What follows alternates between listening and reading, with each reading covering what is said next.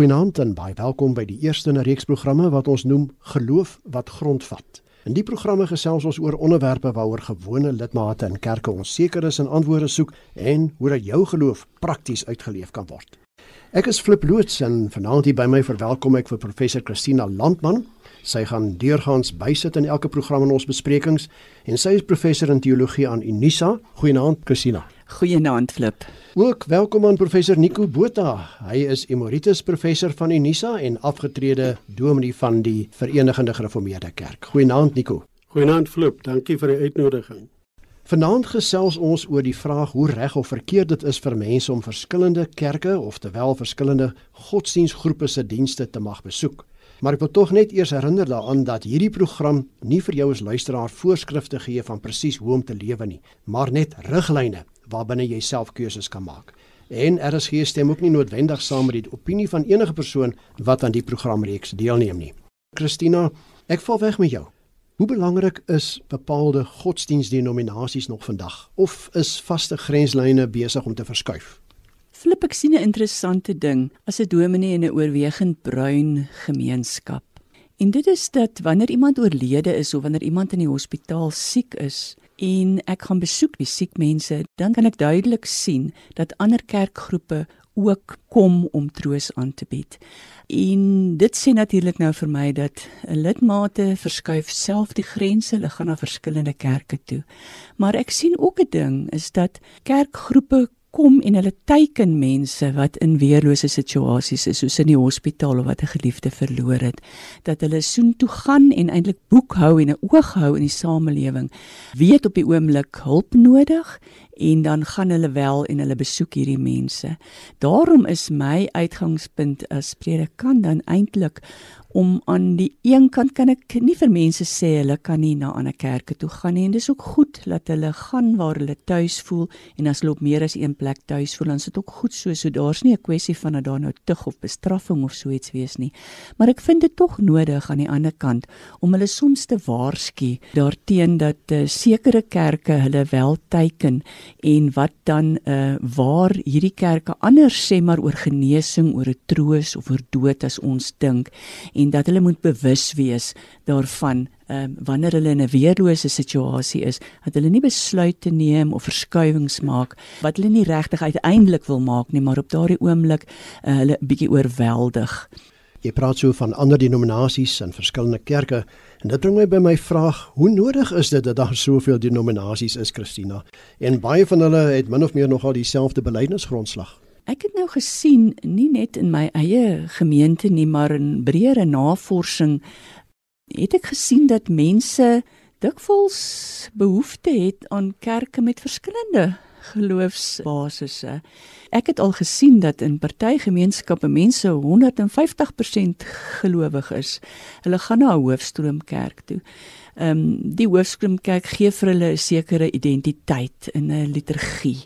En ook kospakkies sal ek nou maar sê want ons ons is ook uh, mense wat behoeftes het in baie arm gemeenskappe is ook baie godsdienstig maar dieselfde persoon sal voel goed jy weet uh, daar liturgie en daardie dinge wat u word dit nou bevredig. Maar ek het ook 'n behoefte aan 'n meer spontane geloofstyl aan 'n meer uh, deelname aan uitroep en so aan en daarom gaan ek ook na 'n uh, partytjie praat ons nou van 'n gonskerk maar ons wil nou nie woorde vir kerke gee nie. Maar 'n kerk wat miskien meer geluide vanuit die gemeente uit toelaat en dan ook baie genesing doen. Jy sal sien dat 'n persoon sê ek is in hierdie kerk gebore my ma en pa was daar ek gaan na hierdie kerk toe maar wanneer ek siek word dan gaan ek na 'n ander kerk toe want daai kerk bied fisiese genesing. Is dit goed of sleg? Ek weet nie en dit is waarskynlik nou nie vir my om uitspraak daaroor te gee nie. Ek dink 'n belangriker vraag seker Christina is hoe nodig is dit om hoegenaamd kerk toe te gaan? Is kerk nie maar waar jy as gelowige elke dag leef nie? Ek hoor partykeer dat mense sê as ek nie siek is nie, gaan ek nie hospitaal toe nie. So hoekom moet ek nou kerk toe gaan as ek niks maakeer nie of ek die sonde oorval my nie of ek het nie nodig om te bely of uh, te gaan en iemand gaan vertel my daar's iets fout met my nie of ek het nie 'n 'n analise nodig nie. Mense kan seker so redeneer, maar ek dink as die kerk werklik soos hulle in Engels sê 'n community of care is, dan gee dit dan gee dit die pastoor en die gemeente self ehm um, toegang tot 'n tipe versorging wat mens nie elders in die wêreld kry nie omdat jy met geestelike waardes kan werk met dinge soos vergifnis met dinge soos jy's meer as net 'n liggaam en dan ook dat jy 'n uh, saamgebind is in die versorging van 'n 'n hoër entiteit en daai dinge maak dat die kerk baie versorging kan wees en ook toegang kan hê tot mense se pyn wat ander instansies nie het nie. So dis een rede waarom ek dink dit belangrik is dat daar 'n kerk sal wees om heen te gaan en aan die ander kant natuurlik die kerk gee ook vir jou identiteit. Ek was nou hierdie naweek nou weer by 'n jeugkonferensie waar die jeug nou hulle uniforms aantrek en in 'n sekere spesifieke manier hulle identiteit met 'n spesifieke kerk vier en dit het geweldig genesend op hulle inwerk. So ek dink ja, selfs in lande in westerse lande waar mense nie meer baie kerk toe gaan nie, wil die mense tog hê die kerk moet daar wees, want dit is deel van 'n identiteit en dit is 'n deel van 'n toegang wat jy kan kry wanneer dit regtig met jou swaar gaan. Ja, ons gesels sommer lekker en ons luister lekker na jou Christina Landman, maar voor ons verder praat en voor ons hoor wat professor Nico Botha oor hierdie saak te sê, kom ons hoor 'n bietjie hoe gewone mense, as ek hulle nou so kan noem, oor hierdie onderwerp voel, mag ek meer as een kerk besoek? ek baie lojaal is aan my gemeente, maar ek hou nog steeds daarvan om soms na ander kerke toe te gaan. Ek voel nie dit is regtig verkeerd nie omdat mense partykeer 'n ander perspektief kry in 'n ander gemeente, maar mens nog steeds lojaal bly in jou eie gemeente. Ek het geen teenstand teen enige kerk nie, maar ek glo jy moet in 'n gemeenskap wees en jy moet lief wees vir daai gemeenskap en nie dominee en nie woord waar daar beklemtoon word want dit help nie jy gaan na 'n kerk toe en jy hou nie van die woord wat daar bespreek word nie. Ek glo nie dis verkeerd om meer as een kerk te besoek nie, maar jy moet altyd die woord as jou maatstaaf gebruik. En alles wat jy hoor by verskillende kerkgenootskappe, moet jy altyd meet teenoor die woord, want dit is die ware bron. So as dit ooreenstem, dan glo ek nie dis verkeerd nie. Ek glo jy mag meer as een kerk besoek. Jy moet altyd net waaksaam wees teen wat hulle preek, want meeste van die kerke van vandag probeer baie mense verlei en dit is die duiwel se grootste aanvalplek op die aarde. Daar's niks wat 'n mens verbied om ander kerke te besoek nie. Maar as een wat aan die Here Jesus behoort, is ek lojaal aan die gemeente waar die Here my geplaas het want ek is deel van 'n liggaam ons het mekaar se ondersteuning nodig en daar wil ek my gewig ingooi. Ek wil nie sprekers najag wat my ore streel nie. Ek voel tog dat mens ook 'n lojaliteit teenoor jou eie gemeente het en dat 'n mens geborge voel in jou eie gemeente want jy deel met ander gelowiges. Ek dink as jy 'n behoefte het om na 'n ander kerk toe te gaan, moet jy dit toets met die woord en met jou oortuiging in jou eie kerk dat jy nie miskien in 'n ander kerk dalk beïnvloed word en afdwaal nie. Jy kan ander kerke besoek as hulle die drie enige God aanbid. Daar sê Christina en Nico, julle nou gehoor wat sê die gewone mense. Hoe reageer julle hierop? Ek dink die meeste mense het gesê dat hulle toets kerke aan die woord en aan die drie enige God en dit is goeie kwalifikasies om aan te toets. Ek dink net dit is partykeer 'n bietjie meer ingewikkeld as dit. Veral soos ek voorheen gesê het, as 'n mens siek is of jy's kwesbaar en jy het waarskynlik nie 'n mediese fonds nie of jy het geen toegang tot iemand wat na jou luister nie, dan is jy partykeer weerloos teenoor 'n kerk wat jou lidmaatskap wil bekom. Nico, wat is jou opinie? As ek goed geluister het, lyk dit my is daar 'n aansluiting by wat Christina sê. Twee dinge wat redelik sterk na vore kom. Die een is dat daar nie noodwendig negatiewe gevoelens gekoester word oor die moontlikheid of die praktyk om meer as een kerk te besoek nie. Dis die een ding, maar die ander ding lyk dit my is om te sê mens moet bietjie verankerd wees. Mens moet bietjie om dit so te stel 'n vaste plek hê waarheen jy kan gaan, waar jy kan gaan aanbid en waar jy dan om nou maar 'n Bybelse term te gebruik, die gemeenskap van die gelowiges of soos ons dit interpreteer waar jy die gemeenskap van die gelowiges sou kon beoefen. Julle praat nou so van uh, mense moet nou maar tog iewers by 'n plaaslike gemeente aanhak as ek dit so kan stel en uh, die gemeenskap van gelowiges Nico het jy na verwys. Hoe belangrik is dit dan vir gelowige mense om by so 'n plaaslike kerk of gemeente in te skakel? Wat beteken hierdie gemeenskap van gelowiges? Voor ek ateljee toe gekom het, het ek vinnig die vraag met iemand getoets en ek het 'n redelike interessante antwoord gekry en die persoon voel dat nog voordat ons ek het nou reeds verwys na die gemeenskap van die gelowiges. Daar is ook ander mense waar hy teks uit uit Hebreërs, die Hebreërbrief sou aanhaal wat iets sê soos dat ons nie die onderlinge byeenkomste moet vernalatig nie. Die persoon wat wie ek gepraat het sê doodgewoon dis 'n menslike behoefte om met ander mense te wees. Dis 'n menslike behoefte om in gemeenskap te lewe sodat nog voordat jy by al hierdie uh net nou so 'n bietjie lagend na myself verwys en gesê voordat jy nou by al hierdie hoe lieflike en loflike interpretasies kom oor die gemeenskap van die gelowiges en die onderlinge byeenkomste. Lyk dit vir hom na 'n baie basiese menslike behoefte om met ander mense te wees en om gemeenskap met ander mense te lewe. Ek het probeer antwoord deur te sê die kerk is juis die plek dink ek waar daai gemeenskap of daai saam wees met ander mense verdiep behoort te word waar dit 'n sekere gehalte behoort te vertoon in die manier waarop mense mekaar vergewe, die manier waarop hulle in versoening met mekaar lewe en die manier waarop hulle mekaar omarm en en sorg vir mekaar. Die sangeres Madonna Nico sing in een van haar liedjies Papa don't preach so asof mense moeg geword het vir preke. Nou watter aantrekkingskrag dink jy indien enige het die kerk nog vir vandag se postmoderne mense wat so haastig en vinnig deur die lewe wil gaan? Ja, miskien net eers 'n baie, baie kort verwysing na na die lied van Madonna Papa don't preach. Dit is amper asof sy my eie kinders aanhaal wat lyk dit my ook bietjie moeg geraak het vir die vir die prekery eh, sedeprekery veral. So en ek dink 'n mens moet moet agslaan daarop. 'n Mens moet probeer vasstel hoekom dit dalk so kan wees dat mense moeg is vir preke. Ek dink in antwoord daarop sou ek miskien wou sê dat dit lyk my na baie uh, basiese ding in die Nuwe Testament byvoorbeeld dat daar wel 'n duidelike opdrag is. Ek weet die opdrag is miskien ook weer 'n verkeerde woord tot die prediking, tot die die groot woord wat geleerde mense soos professor Landman sal gebruik is. Daar is 'n duidelike opdrag tot die kerugma, tot die die verkondiging van die woord Postmoderne mense dink ek is moeg vir preke wat te dogmaties is, vir preke wat probeer om leerstellig te korrek te wees. Ek het 'n vermoede dat en ek weet nie tot watter mate ons dit reg kry nie dat as ons die preke meer narratief benader, meer verhalend benader sodat mense, die luisteraars, wie ook al, kerkgangers hulle dalk self 'n bietjie kan vind in die verhaal uit die Bybel en dit identifiseer as hulle eie verhaal, help dit hulle miskien ook om makliker tot genesing te kom, makliker om bietjie hulle gang in die lewe te vind veral as as hulle in die knel beland het. Christina, jy het nou gehoor wat sê Nico oor die relevantie van die kerk in die postmoderne tyd. Hoe voel jy daaroor?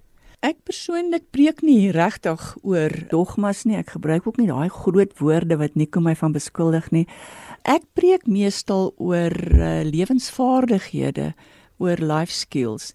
En ek sien ook dan ook die Bybel as 'n boek wat oorspronklik uit boeke saamgestel is waarin mense geleer is oor oor die vaardighede van die lewe, soos byvoorbeeld Hooglied is uh, geleer vir jong mans oor die kuns van die liefde wat 'n belangrike kuns is. En dan ehm um, sê maar die verhaal van Josef. Die verhaal van Josef is vol wysheid oor hoe om sekere moeilike situasies te hanteer.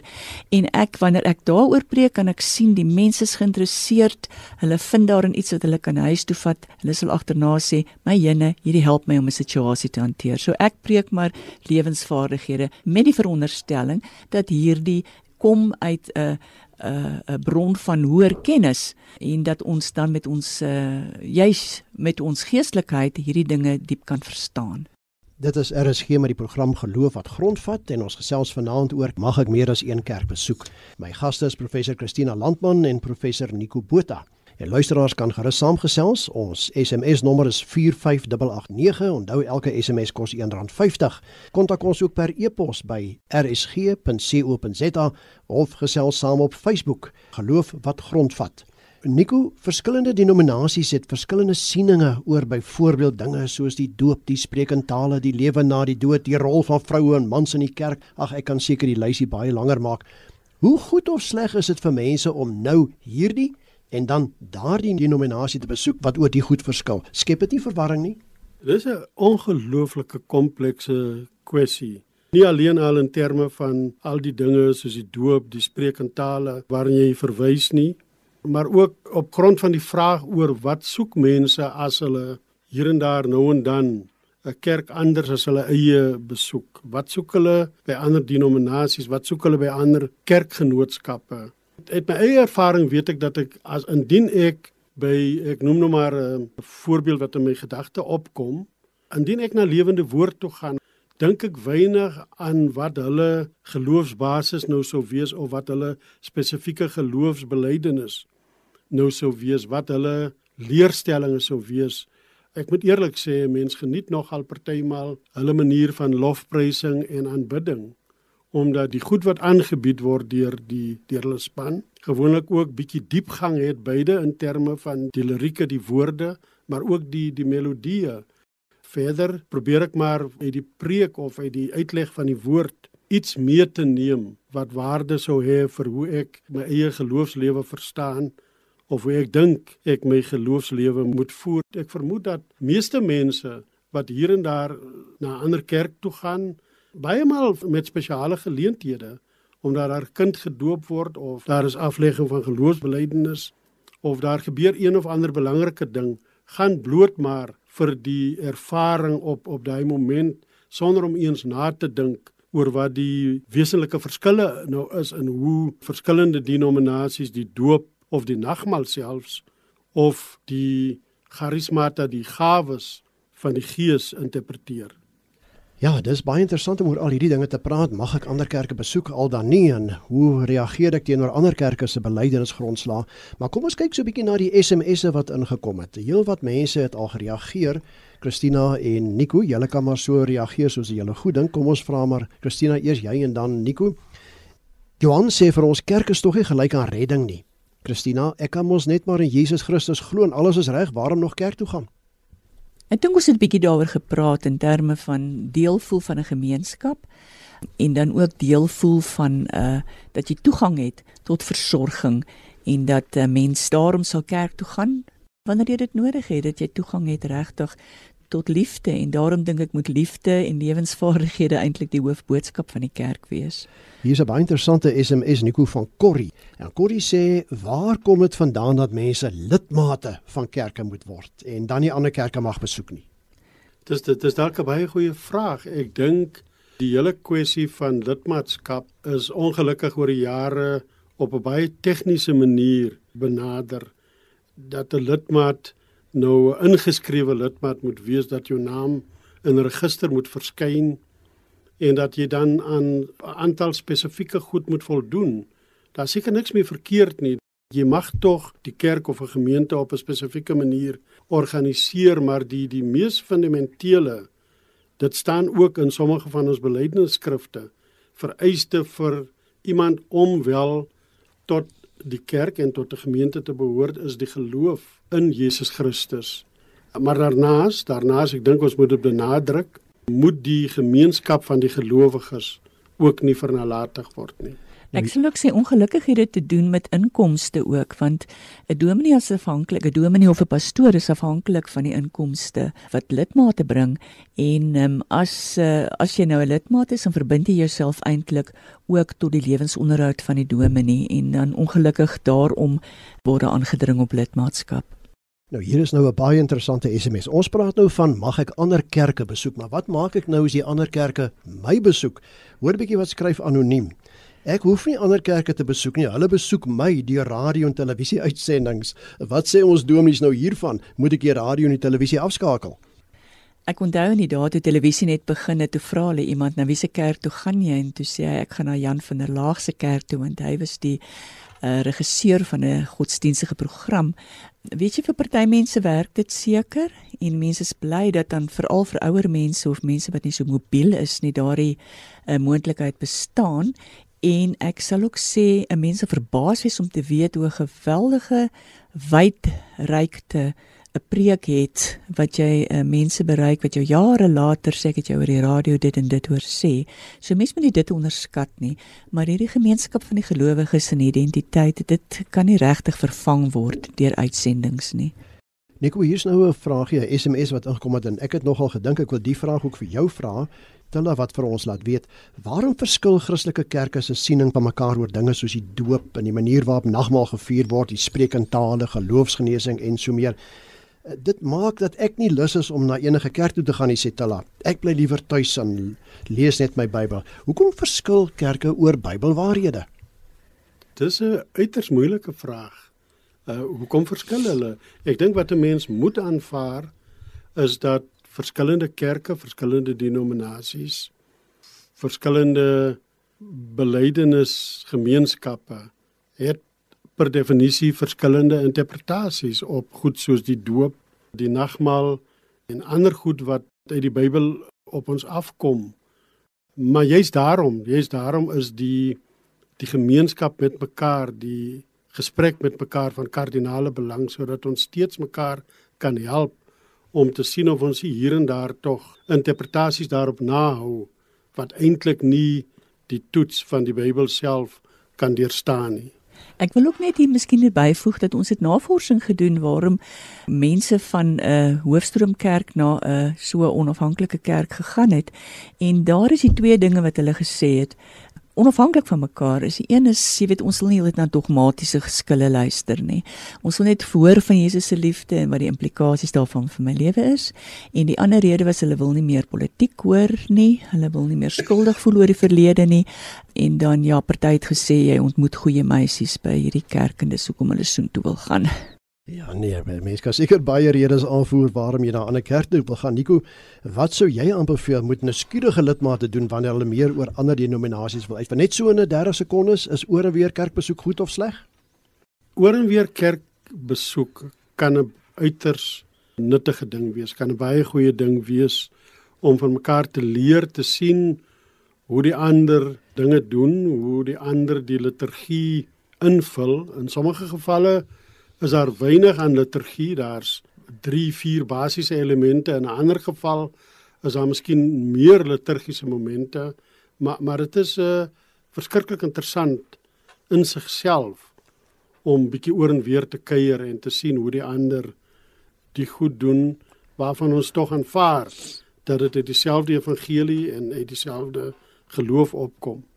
So laaste vraagie aan jou Christina en dan moet ons groet.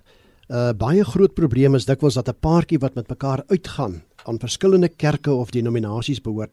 So vinnig van jou kant af, hoe nou gemaak? Bly ons weg van die kerk af om die beurt na mekaar se kerk toe gaan of gaan ons na 'n neutrale kerk toe? Man, ek het net twee dinge waargeneem. Die een is gewoonlik ehm um, wanneer hulle aan verskillende kerke behoort, dan is dit gewoonlik die vrou wat sê dat sy sal oorkom na die man se kerk toe. Die ander ding is veral ook in die breingemeenskap sien jy dat Christen 'n Christen met 'n moslim getroud is of gaan trou en dan kom hulle heeltemal goed oor die weg met mekaar behalwe wanneer daar nou kinders is en dan is dit nou doop en dan is daar nou goed wat spesifiek is aan 'n spesifieke geloof en dan is dit nogal nodig om te onderhandel oor hoe om dit te hanteer. Nou ja, dit dan al vanaand se geloof wat grondvat. Volgende Sondag aan dieselfde tyd gaan ons weer saamkuier.